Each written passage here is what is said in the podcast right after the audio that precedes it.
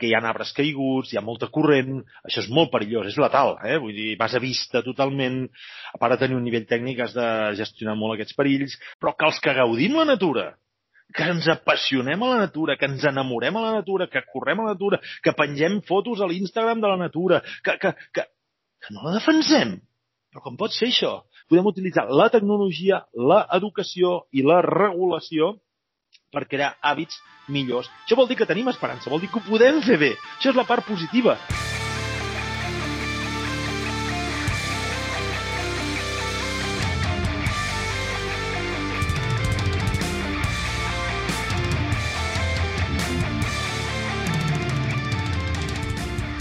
Hola, com estàs? Benvingut o benvinguda a un nou episodi de Connecta amb Dani Amo, un espai on parlo d'humanitat, tecnologia i privadesa.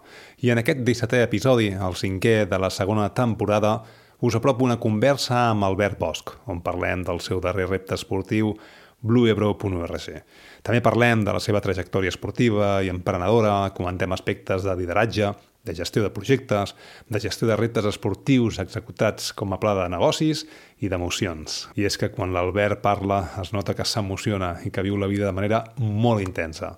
L'Albert és emprenedor des dels 20 anys. El 2004 va fundar Inver Group, una plataforma per gestionar i promoure projectes d'inversió en l'àmbit de l'energia i el medi ambient, però aquesta no és la seva única aventura. N'ha viscut moltíssimes. Entre elles, ha creuat l'Antàrtida sense assistència des de la costa fins al Pol Sud, en un trajecte de més de 1.000 quilòmetres, 1.152, on el 98% del temps el va realitzar en solitari.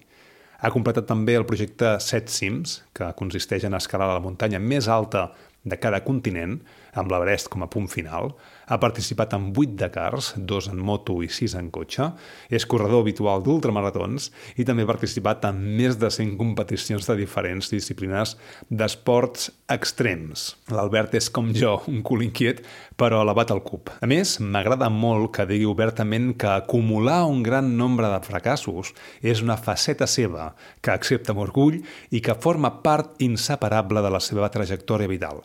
Ja ho diu la frase, algunes vegades es guanya, altres s'aprèn. L'Albert també és un autor prolífic, doncs gairebé cada dos anys més o menys publica un nou llibre. Alguns d'ells, L'explorador del futur, El valor del viatge, Viure per sentir-se viu, on exposa l'experiència d'aquesta travessia per l'Atlàntida, o L'esperit d'aventura.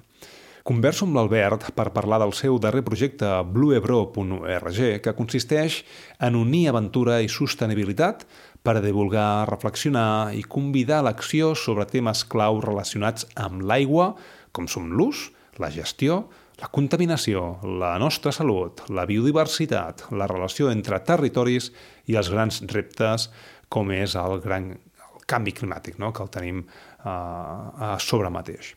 Dos dels objectius són millorar la relació amb l'aigua pel bé humà i veure la civilització des de l'aigua. Aquest, aquest giravolt m'agrada moltíssim perquè no es tracta de com nosaltres veiem aquesta, aquesta aigua, aquesta salut que ens dona i aquesta vida, sinó com des de dins de l'aigua no? i l'Albert es proclamava en un moment del, de l'episodi, veureu que diu que es proclamava doncs, um, ambaixador d'aquell riu, no? de l'aigua, doncs com aquesta aigua ens veu a nosaltres com a invasors i, i què estem fent, què estem provocant i a quin punt estem arribant. En quant al repte esportiu d'aquest bluebro.org, ells van recórrer 930 quilòmetres en caiac en 24 etapes des de la font fins al mar passen per set comunitats autònomes, Cantàbria, Castilla i Lleó, La Rioja, País Basc, Navarra, Aragó i Catalunya. Però fixeu-vos el que costa planificar una cosa com aquesta que es va eh, executar en, en poc més d'un mes, o menys d'un mes, en realitat, i és que després de més d'un any i mig eh, de preparació, no? doncs van fer el descens de l'Ebre començant el 22 d'agost i acabant el 13 de setembre. Tota una aventura que es gestiona, que neix, que es prepara en molt de temps, en més d'un any, i que es fa molt ràpid, no? A vegades doncs, la dificultat no està en el repte en si, sinó en tota la preparació prèvia. Amb l'Albert parlem doncs, de, del seu projecte de Blue Pro, també parlem doncs, d'aspectes doncs, com la necessitat de ser conscients, que la natura té un límit eh, i un punt de no retorn, i de com en el nom de la indústria, no? ja ho comentava també a l'episodi passat, el número 16 amb la Dolors Clotes sobre agroecologia, no? de com eh, aquesta indústria, aquesta ciència, doncs ho estem contaminant tot i estem arribant a un punt de no retorn.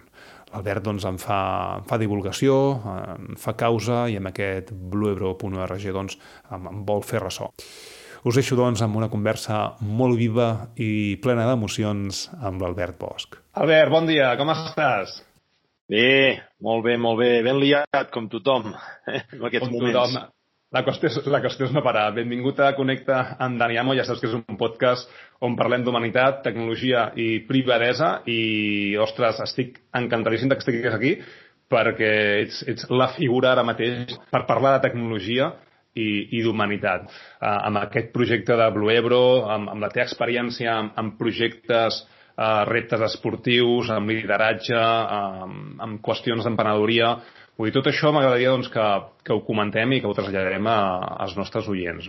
Deixa'm fer-te res, una intro de, de, de qui ets, no? I ja saps que jo abans d'aquesta conversa doncs ja explicaré profundament doncs, totes les teves aventures, però perquè qui ens estigui escoltant, no? doncs que sàpigues que Uh, ets fundador d'Inver Group el 2004 i des, del dos, des dels 20 anys que estàs emprenent. Això són molts, mo, molt jove, eh? Vull dir, uh, amb 20 anys començar a emprendre, ostres, déu nhi no? Sí, sí, bueno, jo crec que he tingut sempre aquest caràcter de tirar endavant, no? Vull dir, fotre'm castanyassos i d'encertar-ne alguna, no? I, que és la funció bàsica d'un emprenedor. I per això he pogut fer aventures, també, no? Vull, a vegades em diuen que és abans l'aventura o l'emprenedoria, dic és que no es poden fer aventures si no ets emprenedor i no es pot ser emprenedor si no ets una mica aventurer, no? Al final és el mateix. De fet, de fet és que a mi m'agrada moltíssim el, el que dius i, i, i ho dius obertament, no? Que acumules un gran nombre de fracassos i això és una faceta teva, ostres, que l'acceptes amb orgull i que també és una uh, part inseparable no? de, de, la teva, de la teva vida. És dir, no podem entendre un lideratge o una emprenedoria sense fracàs. Sí, bé, perquè a mi, a mi sempre m'agrada, no sé, comentar, divulgar, escriure, el que sigui des de certa autenticitat, no? Jo no sé mai una persona d'èlit amb res, però he intentat ser autèntic i fidel a lo que realment m'apassiona, no? I quan dic coses, saps que faig moltes conferències i faig moltes coses i tal, em, em poso l'exigència de ser autèntic, de, de parlar de coses que em crec. I quan parlo de fracàs, no vull fer com la nyonyeria eh, general, que tothom parla de fracàs i es refereix als casos de fracàs de Silicon Valley, que no sé què, no sé quant, tothom parla del fracàs, que és una, una font de lliçons i no sé quant, però dels altres. Eh, i mai ningú explica fracassos seus, no? I per què? Perquè, perquè la gent li mola més, doncs posar-lo guai, és normal, a tots ens agrada més, i de fet és el que la gent vol escoltar majoritàriament. Però, escolta'm, jo sí, he fracassat moltes vegades i he tingut errors moltes vegades, però és que si, ha, si he pogut fer coses una mica interessants o una mica destacades a la vida és perquè vaig assumir que estava disposat a tenir aquests fracassos. Jo crec que Només qui està preparat per l'errada, per al fracàs, es mereix l'èxit, no? I, i la resta són acomodacions a fer coses segures, tranquil·les, que et donin una certa qualitat de vida, però no et permeten desenvolupar els teus somnis, els teus projectes. Per tant, benvingut al fracàs, benvingut a l'error i sempre li dic a la gent, desitgeu-me'n molts, si us plau, desitgeu-me'n molts pel futur, perquè senyal que estaré sortint de la meva pròpia mediocritat i intentaré fer coses una mica ambicioses i excel·lents.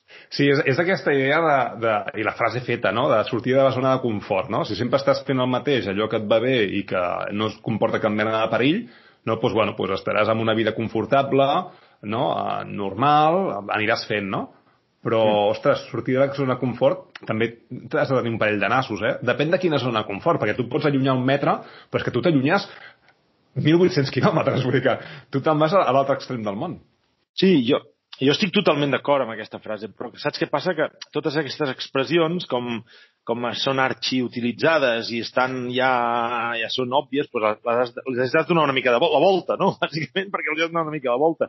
Tot i així estic d'acord amb el sentit de que no et pots acomodar no? amb, la, amb, amb el fàcil, amb el, amb el que només t'és confortable, amb el que només t'ho porta plaer però no et connecta amb la felicitat, que és diferent, no? amb el teu sentit de vida.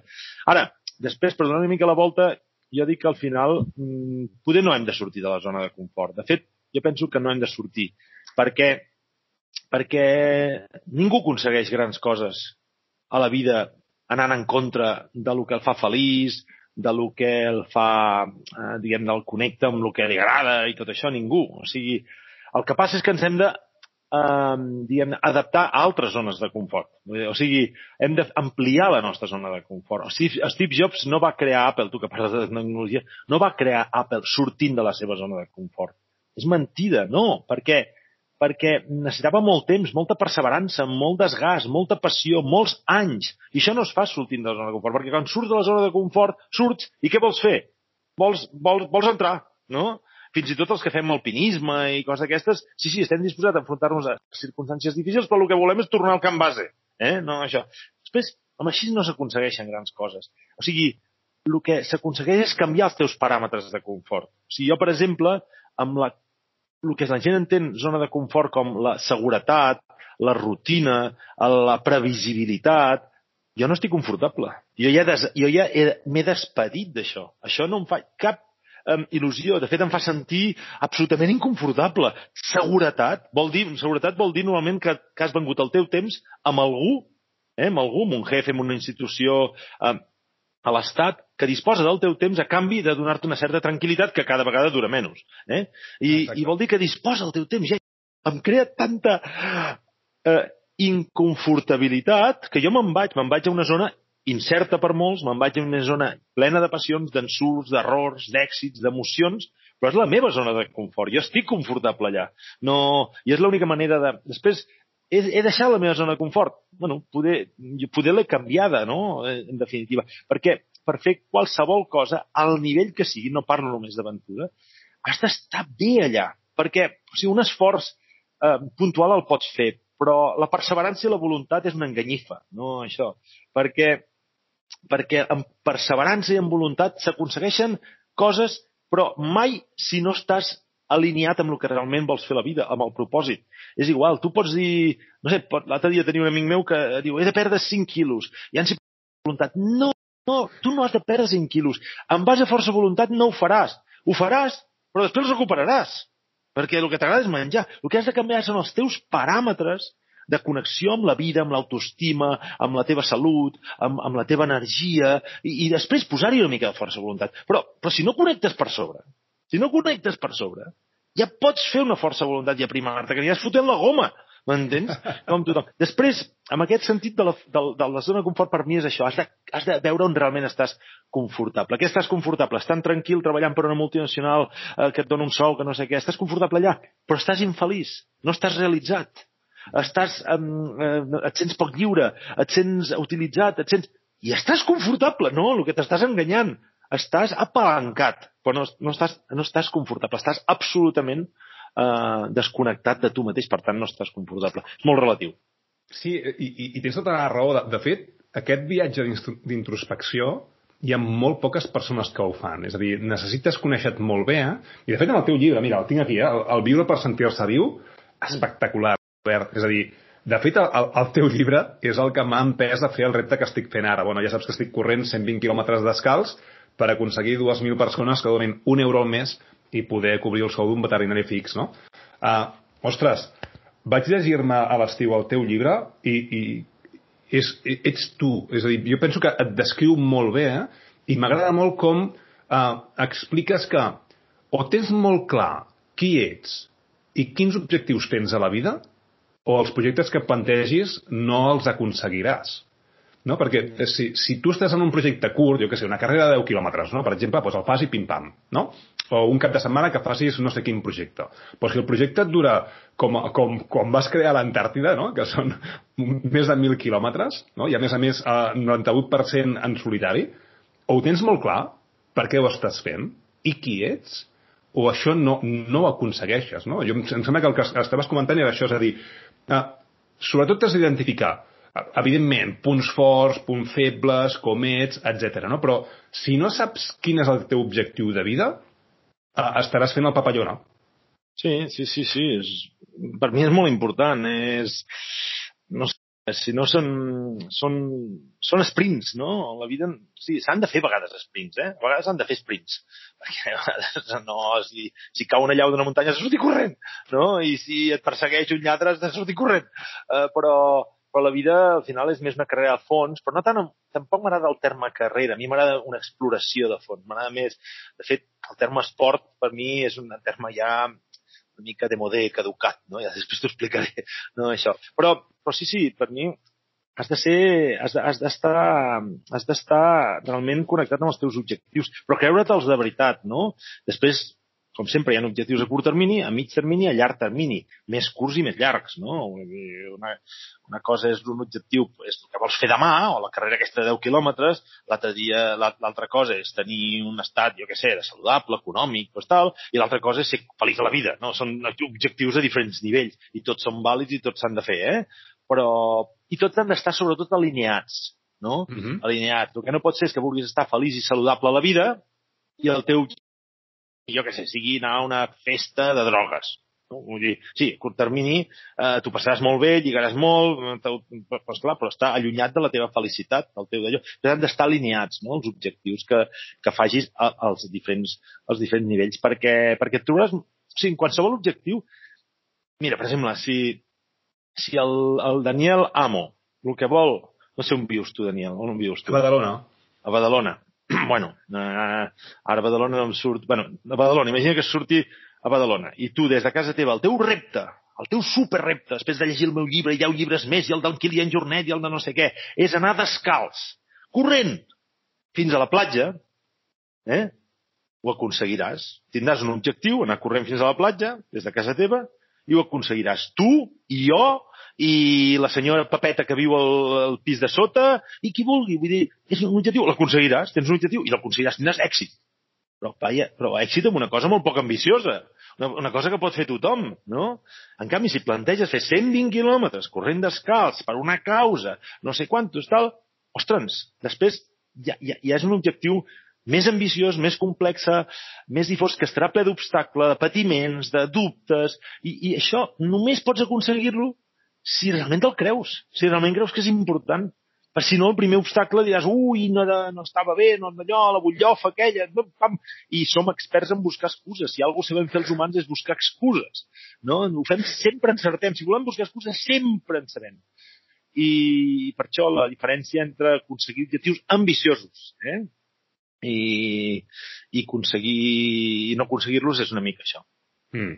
Sí, no, no, tota la raó, eh? De fet, en, en l'última carrera vaig patir eh, sagnat en els peus i butllofes bastant interessants en els últims 12 quilòmetres i, i va ser un calvari, o sigui, realment els últims 12 quilòmetres van ser un calvari perquè jo no estic acostumat a anar per asfalt i vaig patir moltíssim, però és el que dius, quan ho tens molt clar, quan saps què vols aconseguir i per la que estàs fent, eh, el dolor desapareix. O sigui, però a l'instant. Eh? És a dir, està allà, però relativament tal. Deixa'm, deixa'm dir quatre coses teves. Va, mira, has creuat l'Antàrtida, sol. I a més a més has escrit un llibre eh, que es diu, doncs, Viure per sentir-se viu, super interessant, perquè a més a més, eh, no sé si puc fer un petit spoiler, però a cada episodi, no? a cada capítol, doncs escrius una sèrie de punts, resum del capítol més um, més, com, com, com portar a terme aquests projectes, com tenir les coses clares, com uh, la sort no juga Uh, no és un paper fonamental en l'èxit o el fracàs, no? la preparació prèvia, física, mental... Vull dir, vas comentant una sèrie de punts, no? resum d'aquell capítol de totes les idees, excel·lent. O sigui, Gràcies. Això m'ha servit moltíssim per, per interioritzar moltes coses que tenia equivocades, eh? Per tant, m'ha servit moltíssim. Has completat el projecte Set Cims, que és escalar la muntanya més alta de cada continent, i, i has coronat l'Everest, que em fas molta enveja. Participes en Dakar, has participat, no? Um, corres ultramaratons, etc. I ets un autor molt prolífic. Has escrit, mira, L'explorador del futuro, que em sembla que és l'últim llibre que, que has escrit, eh? que parles, doncs, de lideratge, l'actitud clau, no?, per liderar aquest, aquest futur.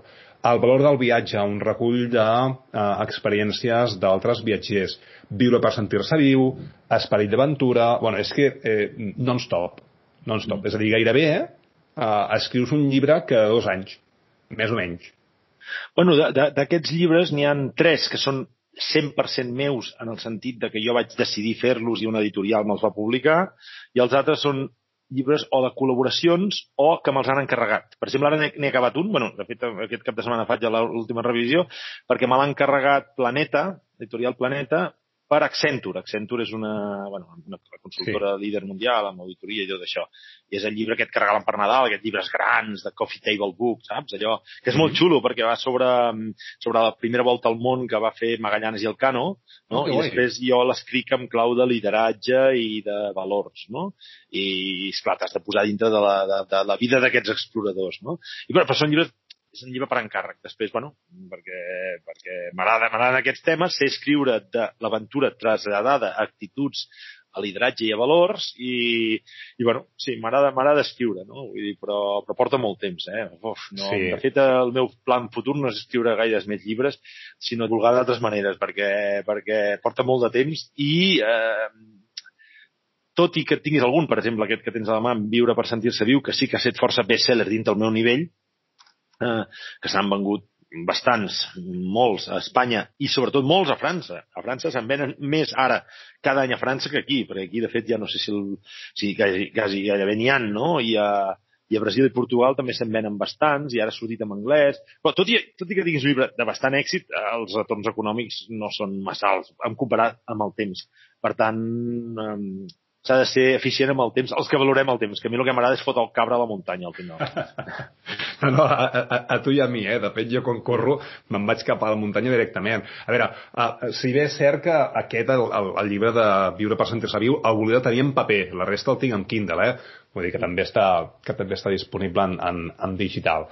Uh, Esperaré, esperaré doncs, que treguis aquest. No sé si jo el podré comprar, aquest de l'Accenture, no, o és... aquests no, aquests, no? Són, mm -hmm. aquests són propietat de, de l'empresa. No, jo sóc autor, però, però està tot comprat. Sí, sí, sí, mm -hmm. sí, sí. T'has plantejat alguna vegada fer podcast? Jo, jo també he escrit, he escrit tres llibres, eh? I, mm. i costa molt, costa moltíssim. Un d'ells en, en col·laboració i jo gestionant tots els autors, 40 autors, imagina't, eh? D'educació, eh? D'educació. Sí, sí. 40 profes i tal. Molt, molt xulo Um, he publicat amb la UOC, he autopublicat, eh, fem coses, faig coses d'aquest tipus perquè, com tu, no? volia provar uh, què, què és, no? però consumeix molt de temps. El podcasting és molt distret, no? perquè al final tens aquest tu a tu, no?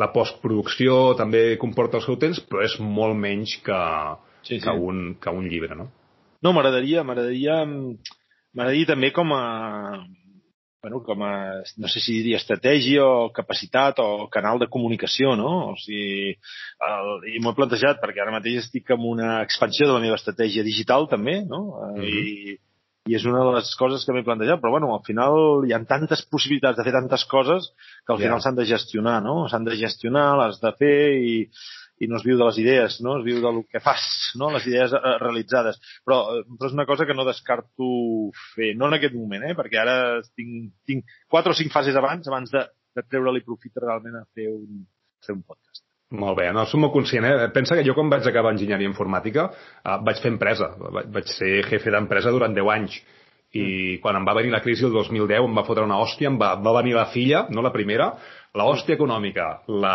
primera filla, a tot plegat, i em vaig reinventar en educació. I ara estic a la Salle, Campus Barcelona, a la Universitat Ramon Llull, i allà tenim Tecnova, que és una incubadora. Ah, I, sí, sí, i fent sí, coses molt, molt interessants. Un dia t'ho explico. Perfecte.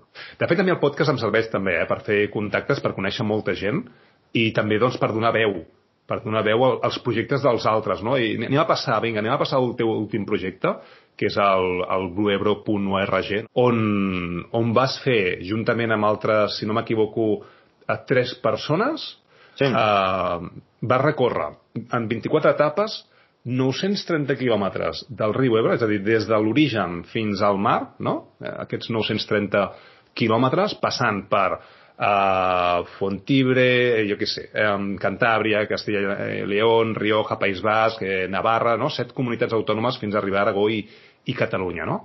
Um, clar, jo ho podria explicar, m'agradaria que, que, que l'expliquessis tu, no? És a dir, per què eh, l'Ebro, no? Per què l'Ebre? I, I quin és el motiu darrere tot plegat?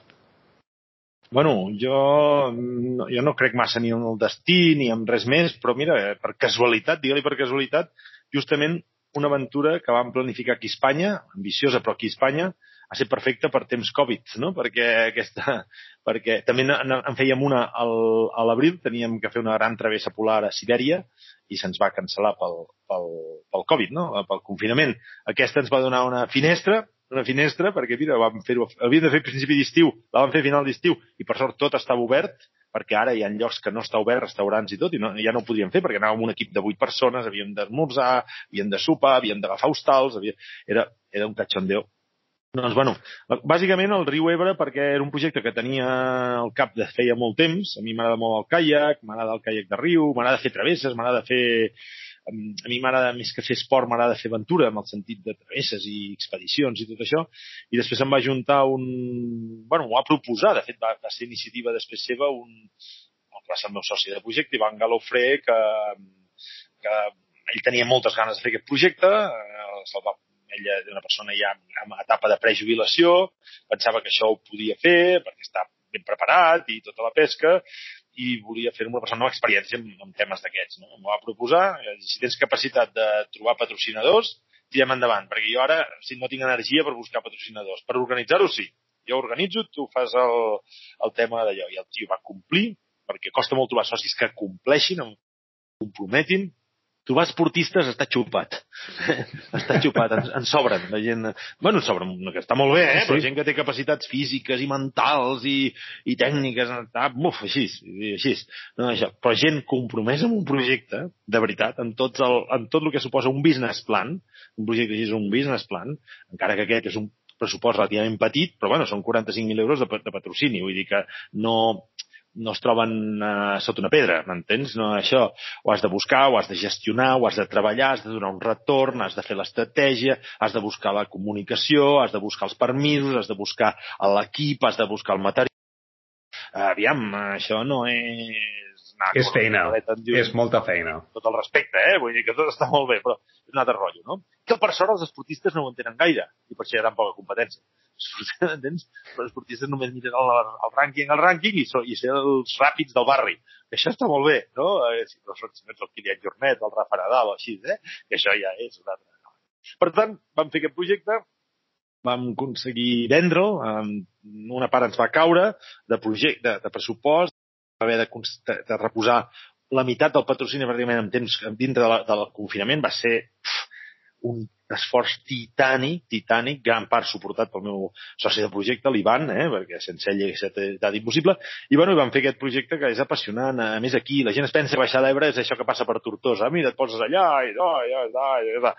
Bueno, no és això, com tot la gent es fa una idea, un prejudici, a vegades maximitzen les coses, que semblen impossibles, eh, perquè, no sé, per exemple, Maratón de Sable, sembla allò, pues, al final tampoc és tan difícil. Vas allà i, escolta, el, el 70% de la gent ho fot caminant. Vull dir, no, ja. i van iaios, i van gordos, i van amb tot el, amb tot el respecte, vull dir, però la gent ho maximitza, eh? Canvi baixar l'Ebre, però res, res, això, res. Doncs és mega difícil.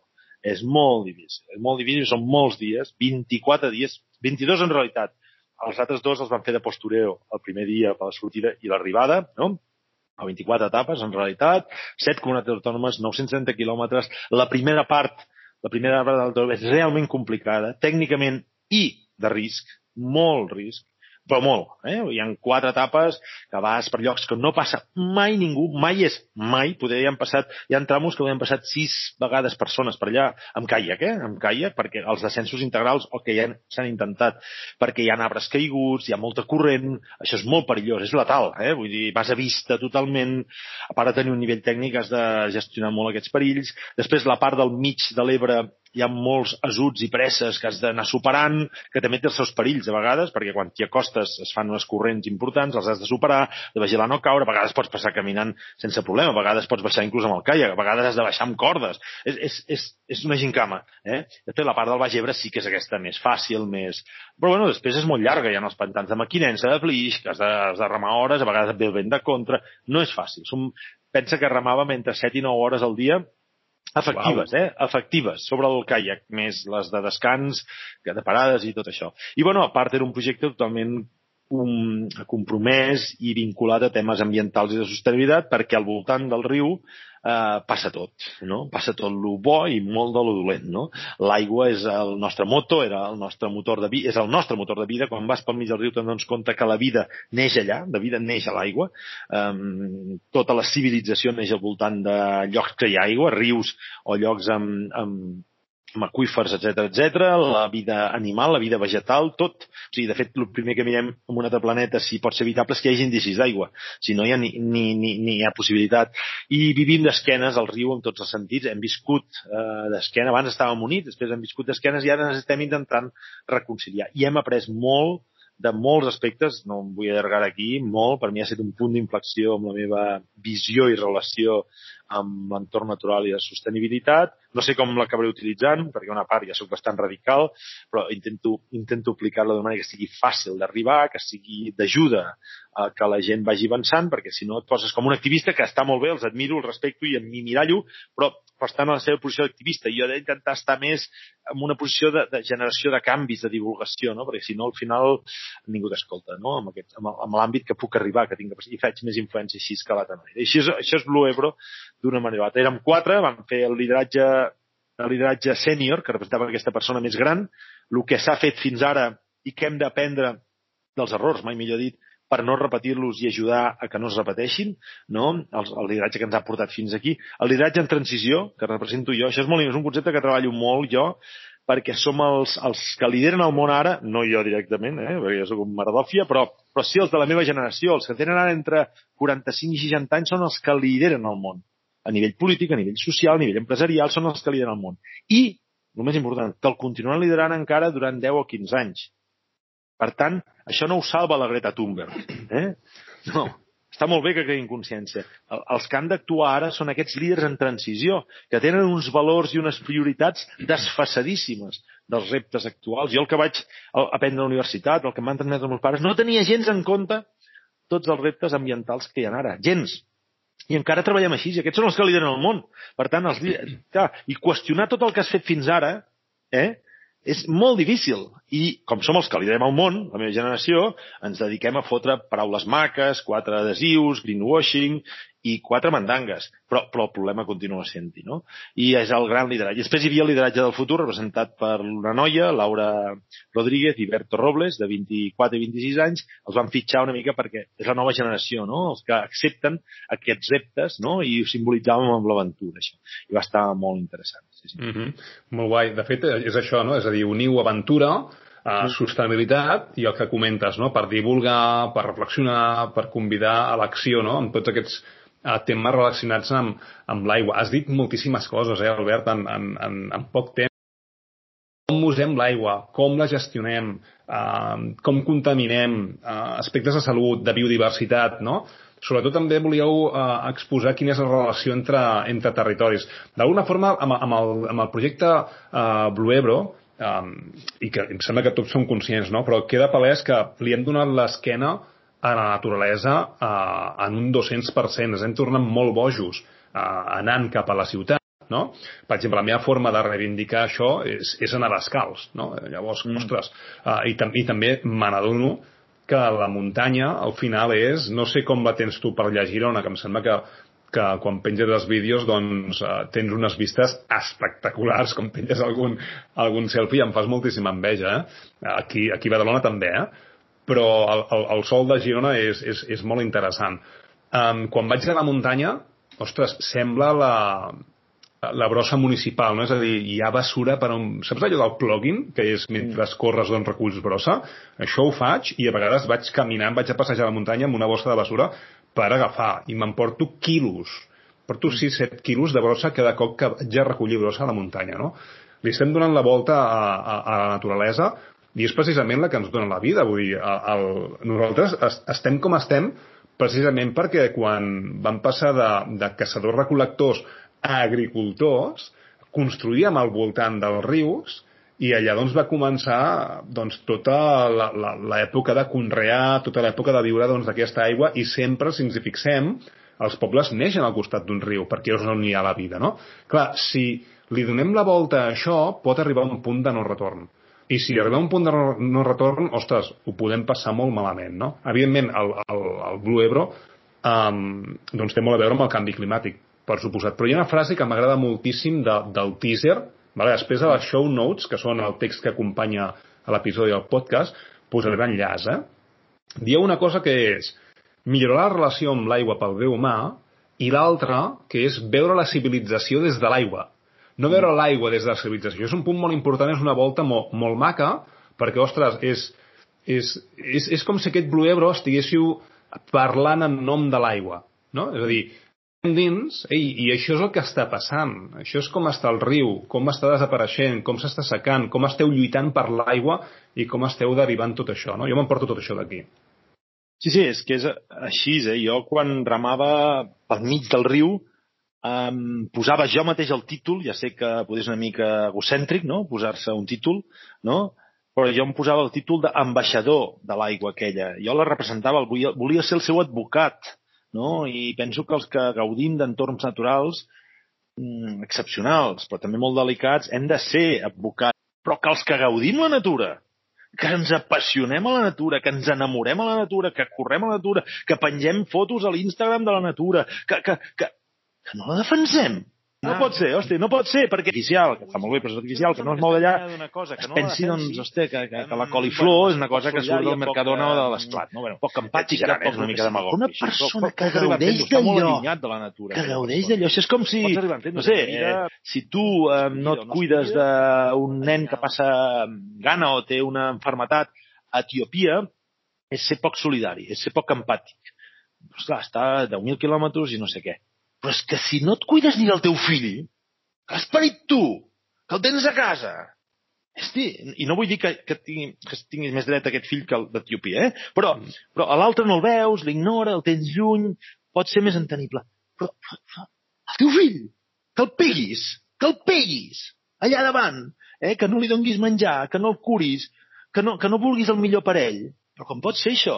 I això és una mica el que ens passa amb la natura. També s'ha de dir que estic d'acord i estic molt, molt posat amb el plugin que eh, hem d'anar intentant combinar la paraula plugin i correcollir. Eh? Correcollir, perquè si no sempre utilitzem els anglicismes, està molt bé, eh? però el plugin ho faig, saps que sóc promotor junt amb la...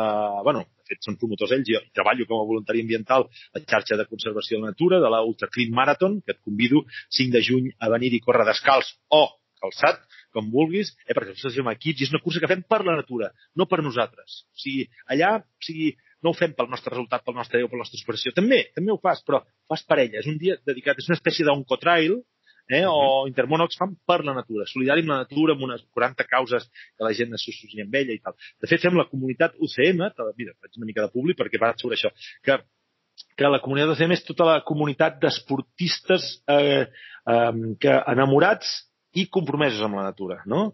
I fem, fem, comencem a fer coses i tot. De fet, ara farem una cosa amb una carrera que es diu, carrera virtual de protecció de la natura que es diu Protecting Home, que fa tota la Costa Brava, que jo la faré del pont de la Puríssima i convido gent que vingui a fer-la amb mi per etapes, un trosset els quatre dies, en 200 quilòmetres, etc.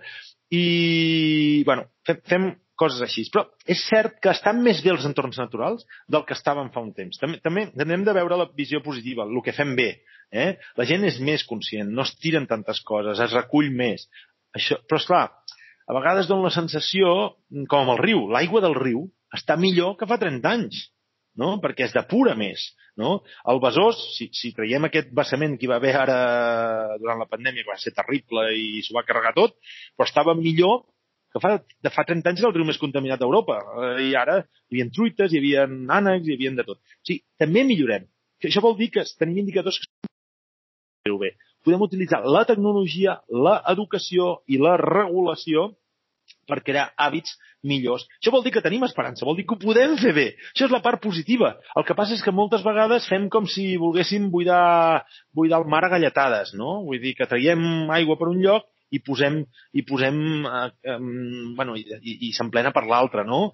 Perquè, per exemple, tu has parlat de l'agricultura, no? Eh, ja no existeix quasi agricultura, és que vam descobrir l'agricultura fa no sé quants mils d'anys, tu sabràs millor que jo, i ara l'agricultura vol dir la cultura de l'agro, de la terra, del territori. Això és la agricultura, vol dir la cultura, que la cultura vol dir que t'ha de donar aliments i l'has de cuidar, l'has de deixar reposar, has de deixar que reposin els nutrients, has de, has de, has de cuidar l'aigua, has de tot. Hem passat a la vol dir la indústria de la terra. És molt diferent. I el 95% de la nostra alimentació és ve de la no de l'agrocultura. Ens hem separat totalment. Hi ha una mica de cultura de l'agro encara, agricultura tradicional, agricultura ecològica i tot que deixa allò que en deien el verbecho, no? deixa reposar els nutrients. No existeix això. No existeix. Per tant, ja no hi ha descans a la terra, ja no hi ha recomposició de nutrients. Com es fa això? Amb, amb, amb, amb químics, amb, amb, amb fertilitzants. La terra és morta, eh? No hi ha res. Tu agafes la terra, de la majoria de plantacions de tot això, agafes la terra, no hi ha ni cucs. No hi ha cucs, no hi ha res. No hi ha res. Ara, això sí, hem de posar químics, fertilitzants químics. On van aquests químics? Avall, als aqüífers, al riu, al nostre cos. O sigui, al final és pervers. Ens alimentem enverinant la nostra natura, no? I això perquè no la respectem. És un exemple, no? I amb algunes coses anem millor i amb algunes altres anem desbocats. Però, com, però, però a mi m'agrada molt dir el que fem bé també perquè vol dir que això si ho fem un copy-paste podem fer moltes coses més bé. Ara, jo crec que estem en un gran moment per això, no? i la gent se'n dona compte, perquè estem sense poder anar als bars, hem estat confinats i no vull pas dir perquè hi ha gent que ha patit molt econòmicament, jo també econòmicament, per sort de salut no, hi ha gent que ha patit molt de salut, però potser, potser és realment un, un, un, una nostra oportunitat. És el mínim que ens pot passar una pandèmia d'aquesta, el mínim, és que és el mínim, eh? no això, i, i tal, perquè, perquè és, que, és que tal com estem tractant tot, l'estrany és que no ens passi això cada, cada any tres vegades. M'entens? Sí, sí, no, no. I de, de fet, em sembla que ens va molt bé el fet de que hagi vingut aquesta pandèmia. Mira, jo quan, quan, quan jo sempre corro i corro molt aviat. Abans sortia a les 4 i mitja del matí a córrer, perquè, clar, ja, ja ho saps, eh, que quan sortim, tu i jo no sortim mitja horeta, en sortim dues, o, i si poden ser tres, millor, no? Sí. Amb la qual cosa doncs, sortia a 4 i mitja i, i fèiem molts vols, no? Um, ostres, um, després del confinament, la, la muntanya, la ramba de les flors de Barcelona, tio. És a dir... Sí, sí, sí, sí clar. La gent té ganes de connectar... Li falta vitamina N, vitamina natura, no? I la gent ho ha vist. I està molt bé, eh? A mi, el dia mateix, que vaig sortir en bici i, i bueno, diumenge passat, no, diumenge passat estava al Priorat, l'altre, estava ple de tal. I ara mateix el Montseny està ple, i inclús els propietaris de boscos demanen que es reguli. Bueno, és veritat, s'ha de regular, s'ha de vigilar l'accés, no es pot massificar res, això, això és bàsic. Però també és xulo que la gent pugui anar a la natura, no? Perquè, perquè de fet, és que la natura és de tots i la necessitem, no? Ara, esclar, s'ha de fer o amb una regulació, o amb unes limitacions, o amb una consciència i tota la vegada, perquè la consciència no salva la natura, ni el món, ni res. és l'acció, i l'acció ha de ser regulada, ha de ser adaptada i ha d'estar bé, però perquè tothom hi ha de poder anar, no? Lògicament, no? Però d'una manera, doncs, poder no tots de cop, no? I poder... No, bueno, ja, ja passa la pica d'estats que està posant de posar cupos, doncs... L'ideal és la muntanya lliure, però si la muntanya lliure vol dir que la destrossem, doncs haurem de posar muntanya. Jo de les muntanyes dels set cims que he escalat, bueno, és, és que persones que la gent pensa que només he escalat set muntanyes a la meva vida, no? Les dels set cims, no. N'he fotut un fart, no? Uh, però, però, bueno, n'he vist de molts llocs del món i tot això. Sempre ho dic, que la muntanya més neta, més pura, més inspiradora que he vist dels, dels set cims, eh, bueno, d'allò, és la que està al país més civilitzat del món, no? i més industrialitzat del món, Estats Units, Alaska, no? perquè el, el McKinley, el Denali, que es diu ara, l'Obama va dir s'ha de canviar el nom i s'ha de dir el nom original dels, dels, dels, dels habitants originals d'allà, perquè aquest nom l'hem posat nosaltres després i va canviar el Denali, molt ben fet. Eh? Doncs, clar, és una muntanya regulada, regulada, i voldria anar molta gent, una muntanya preciosa per escaladors, per tal, per qual, per qual, per qual, per qual. Però clar, i ara els Rangers et donen un cupo, si es passa el cupo d'aquella entres en llista d'espera, et et diuen unes condicions per entrar, has d'anar-hi amb unes condicions, només pots deixar brossa en uns llocs determinats. Bueno, mm, no és una muntanya lliure del tot, però és que està preservada. Caminant més amb altres muntanyes, eh, per exemple a Nepal, que encara no estan en aquesta fase, com més gent millor, com més gent millor, sense regulacions, sense ta, ta, ta, ta, i clar, després ens trobem el que ens trobem. Per tant, necessàriament necessitem que l'accés al medi ambient estigui regulat, si pot ser, a l'europea del nord. Eh? Que vol dir que ho regulem i ens en fem càrrec, no a la d'aquí, que posem sancions i mil normes per, per incomplir-ne 2.000. No? És que els, els llatins són molt llestos, eh? Sí. És allò de feta la llei, feta la trampa. Sempre, sempre busquem. De fet, això ho veiem cada dia. Només fa falta passejar amb mascareta i protegit, com la gent es passa pel forro la corresponsabilitat, no? Que és un tema que, que m'agradaria eh, comentar, perquè al final és com del rotllo aquest. Bueno, jo ja pago uns serveis de neteja, no? amb la qual cosa jo no sóc responsable. És responsable el del servei de neteja de que el terra estigui net. La qual cosa, aquesta corresponsabilitat que li donem als altres no? és el que fa que eh, bueno, doncs ho tinguem tot brut. És com a...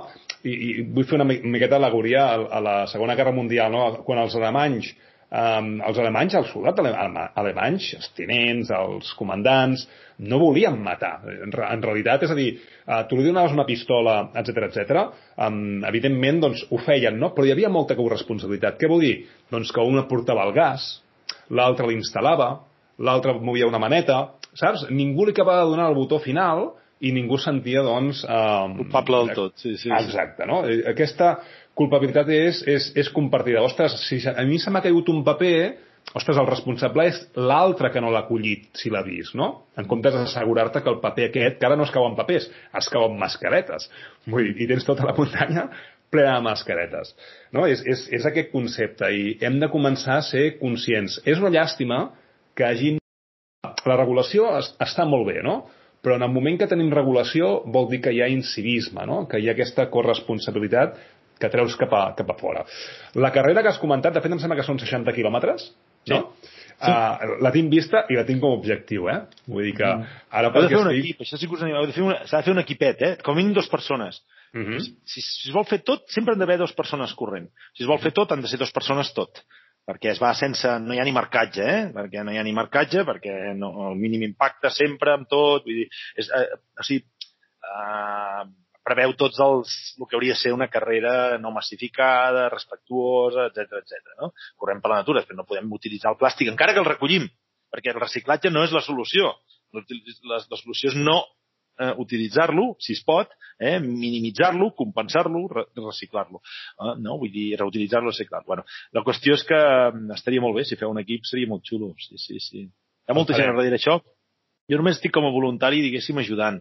Per això organitzen... El xulo és que no organitza un club esportiu, una marca deportiva, organitzen les entitats ambientalistes a través de la xarxa, les que cuiden el territori des de fa anys i anys d'una manera anònima, micro, perquè, esclar, el món... Vull salvar el món, vale, però digue'm on comences. No, jo el món vull salvar. Bueno, però, però la riera d'allò, la, la, la, eh, cuides, la no sé què, la cuides. Després aquests es dediquen a una cosa concreta tota la vida. Són uns herois. I com que estan pel, per la reintroducció de la tortuga de l'Albera, doncs a la tortuga de l'Albera li importa el, els aiguamolls de l'Empordà, que els van salvar, els, si, si no, no els tindríem, eh? Doncs coses molt micro, però després són els que ens aporten una qualitat de paisatge, de biodiversitat, i són uns herois. I són ells els que l'organitzen a través de la xarxa, no? Vull dir, ells de la natura, entre cometes. Mm -hmm. Molt bé. No de l'esport. Que... Utilitza l'esport. Això és, això és necessari. Eh?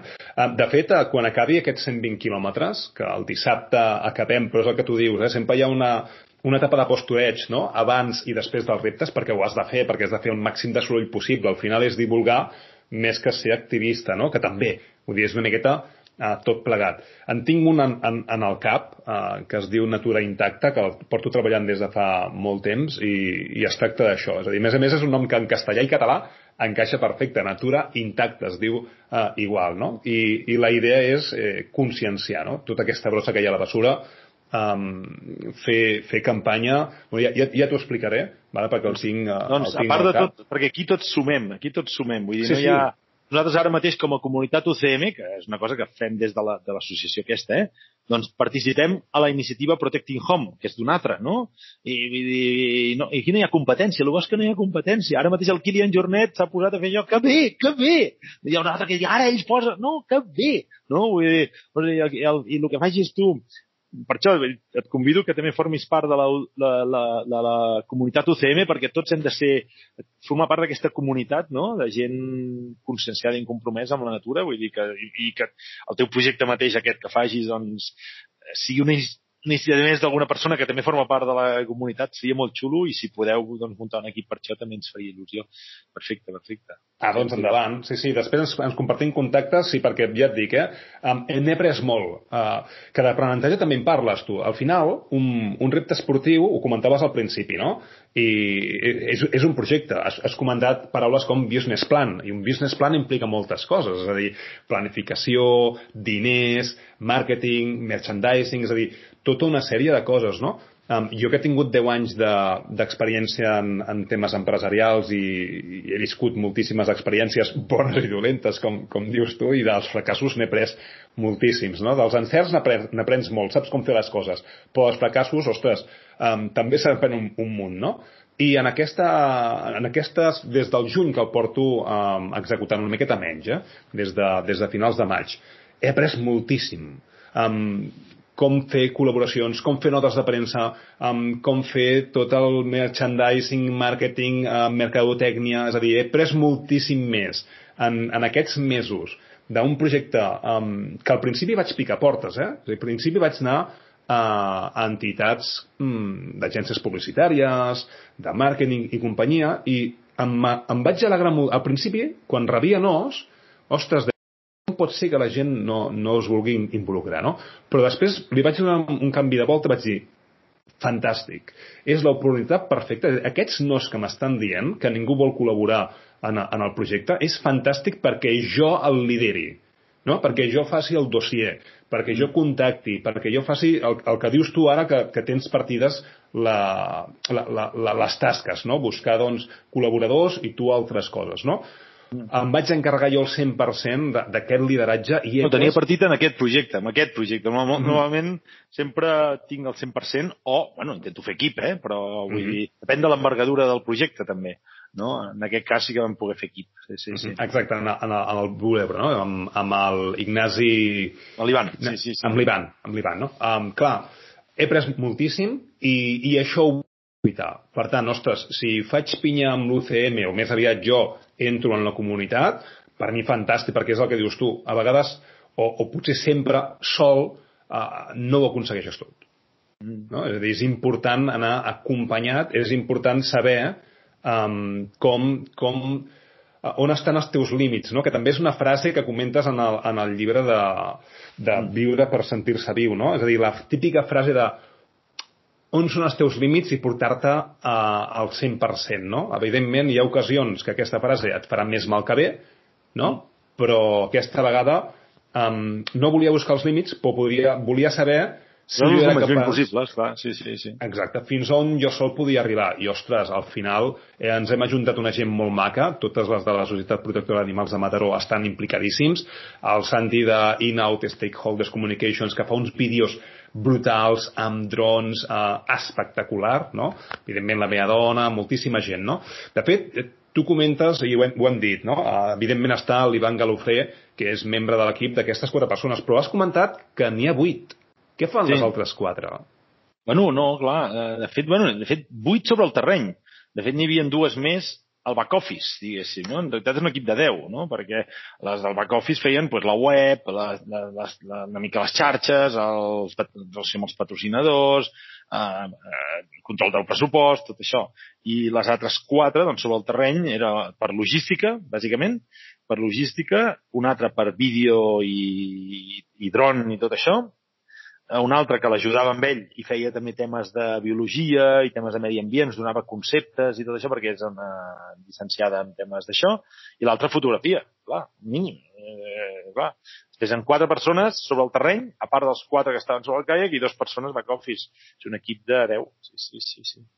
déu nhi I 45.000 euros. Aquí a Espanya 45.000 euros són molts diners, eh? Vull dir, sí, bueno, és... i, i perquè les dues persones que formaven part no, no entraven dins del pressupost. Eh, són persones que treballen amb mi, no? Vull dir, però si ho haguéssim comptabilitzat, haguessin set doncs, 10 o 15.000 més. No, això, clar, però, però esclar. Sí, sí, moure's i, i viure, viure només tres setmanes així, més, i, i, i això sense comptar, evidentment aquí no hi ha zero beneficis, no? ni, ni, ni zero sou no? de, de, de l'Ivan i jo, no? que hem estat un any i mig treballant amb això, no? Vull dir, si només és cost, cost pur, cost pur bàsic, no, això. Sí, sí, sí. Un any, un any i mig planificant per, per estar un mes um, fent descens. Mm. Més o menys, Sí, sí, sí. 24... Sí, sí, sí. Sí, sí, 24 no? dies, sí. Sí, sí, sí, sí.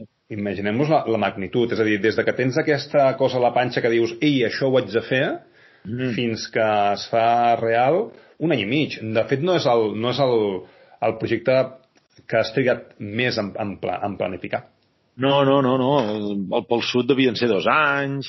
El, el Dakar elèctric, per exemple, vaig estar... Com tres anys, no vol dir treballant a full, eh? Vol dir tres anys entre idear-lo, intentar vendre'l, que no, que no, després que sí, després que no, després ara sí, després l'any que ve... Eh? Bueno, vull dir, esclar, és, són projectes a llarg termini. I això, dius, ostres, doncs... Eh, i, I és un any i mig per una preparació d'un mes, no? O de menys, a vegades, eh? Però, però esclar, després el que no compta són tots els projectes que s'han quedat pel camí no? M'entens? Perquè ah, només expliquem l'èxit, no? Vull dir, però esclar, hi ha molts projectes que per dubtes, per falta de decisió, perquè un soci t'ha fallat o perquè tu mateix tens una lesió, un problema, un, el que sigui, no, no han fructificat. Vull dir, clar, sempre tens projectes actius i algun... No sé, quan estàs... Jo, jo, per exemple, estava baixant, jo, clar, jo penso que vaig fer 100% dels metres. El, el, el, el...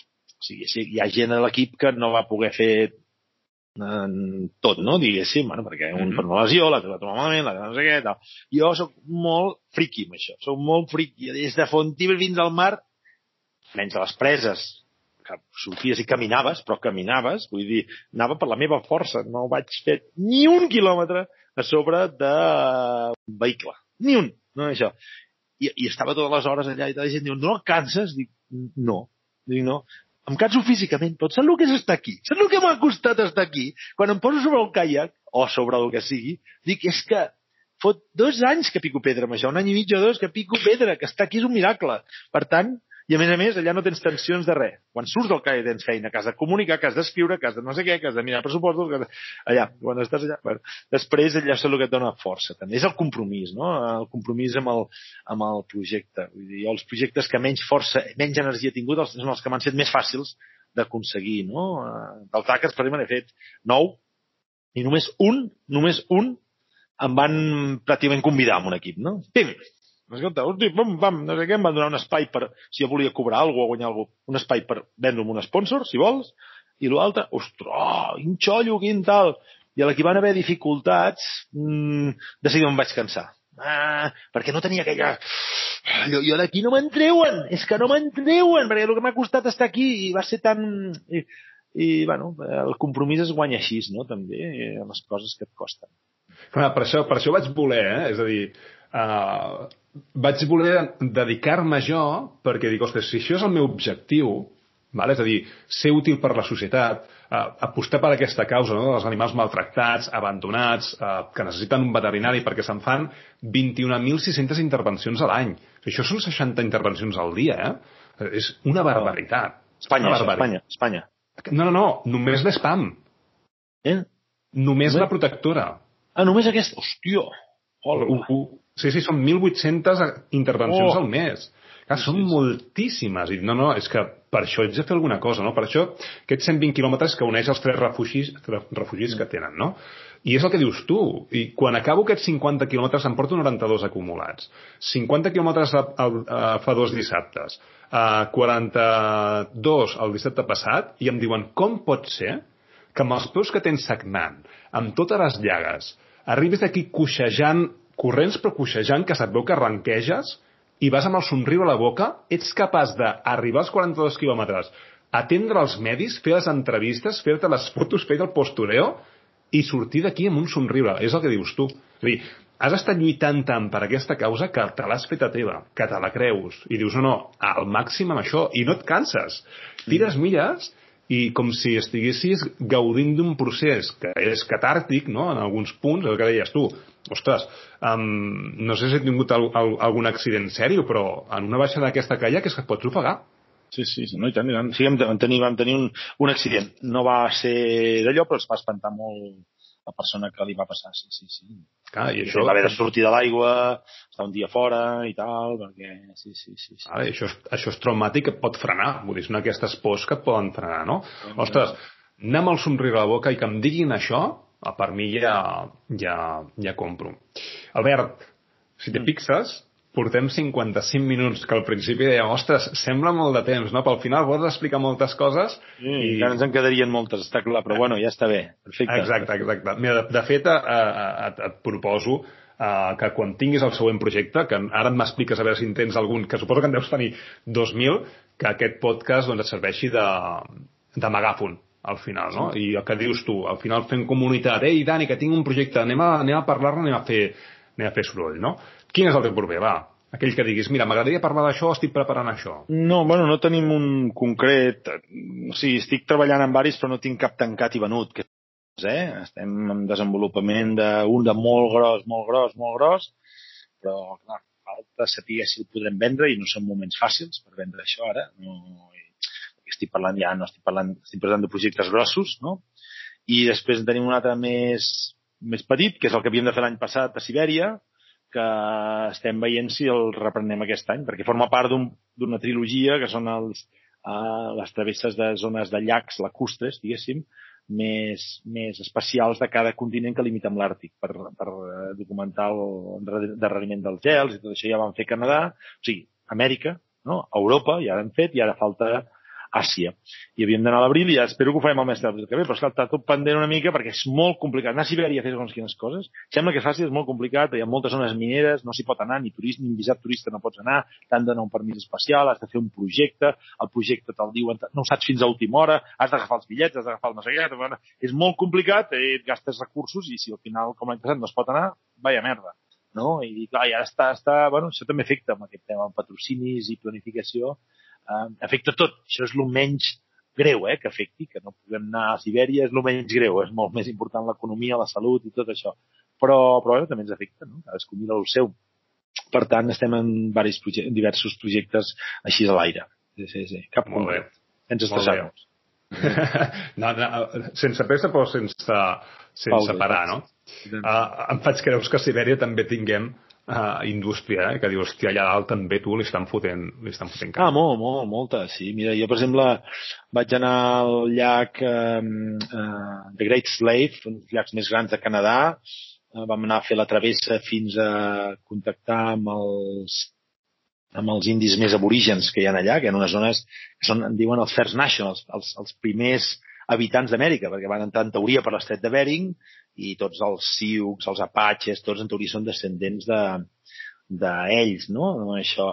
I allà hi ha unes grans reserves, enormes reserves índies, que ells són els, els, els, els responsables, estan com una espècie de zones autònomes i tal, i, i fèiem una travessa de 200 i pico de quilòmetres fins a arribar 12 dies per arribar a l'Atsake, que és un poblet petit que està com en una illa dintre del llac, però però que allà hi ha, la primera carretera està a 350 quilòmetres, o sigui, no, només et pots moure amb avioneta o a l'estiu en barca.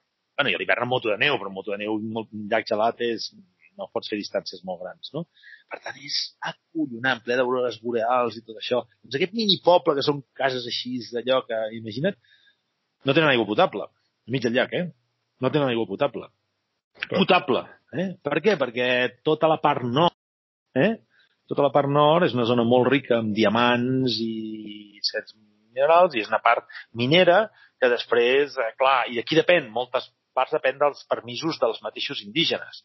Els indígenes, clar, agafen el xif, el xif d'allò, li diuen que no sé què, el fan conseller de no sé què, li compren un cotxe, li... tan fàcil de subornar, eh? Yeah. I, I, clar, no tenen aigua potable, però els hi han regalat un camió i els, els hi subministra aigua amb un camió a cada una de les cases, allà amb unes boques que hi ha i tal, gratis. Són els que ens cuiden. Els miners són els que ens cuiden, imagina't. Eh? Imagina't. Una zona sí, remota, remota, remota, remota. I el llac Onega, que vam estar també, també està contaminat.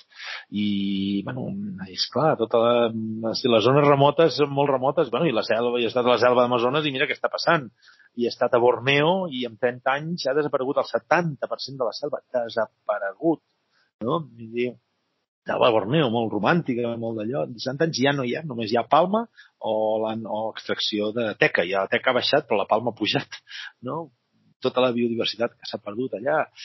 Uh, bueno, uh, per això vull dir que ja, el món és molt maco, però està molt amenaçat sempre per l'homo sapiens, no? que es va, va tenir un atac de soberbia i es va posar savi. No?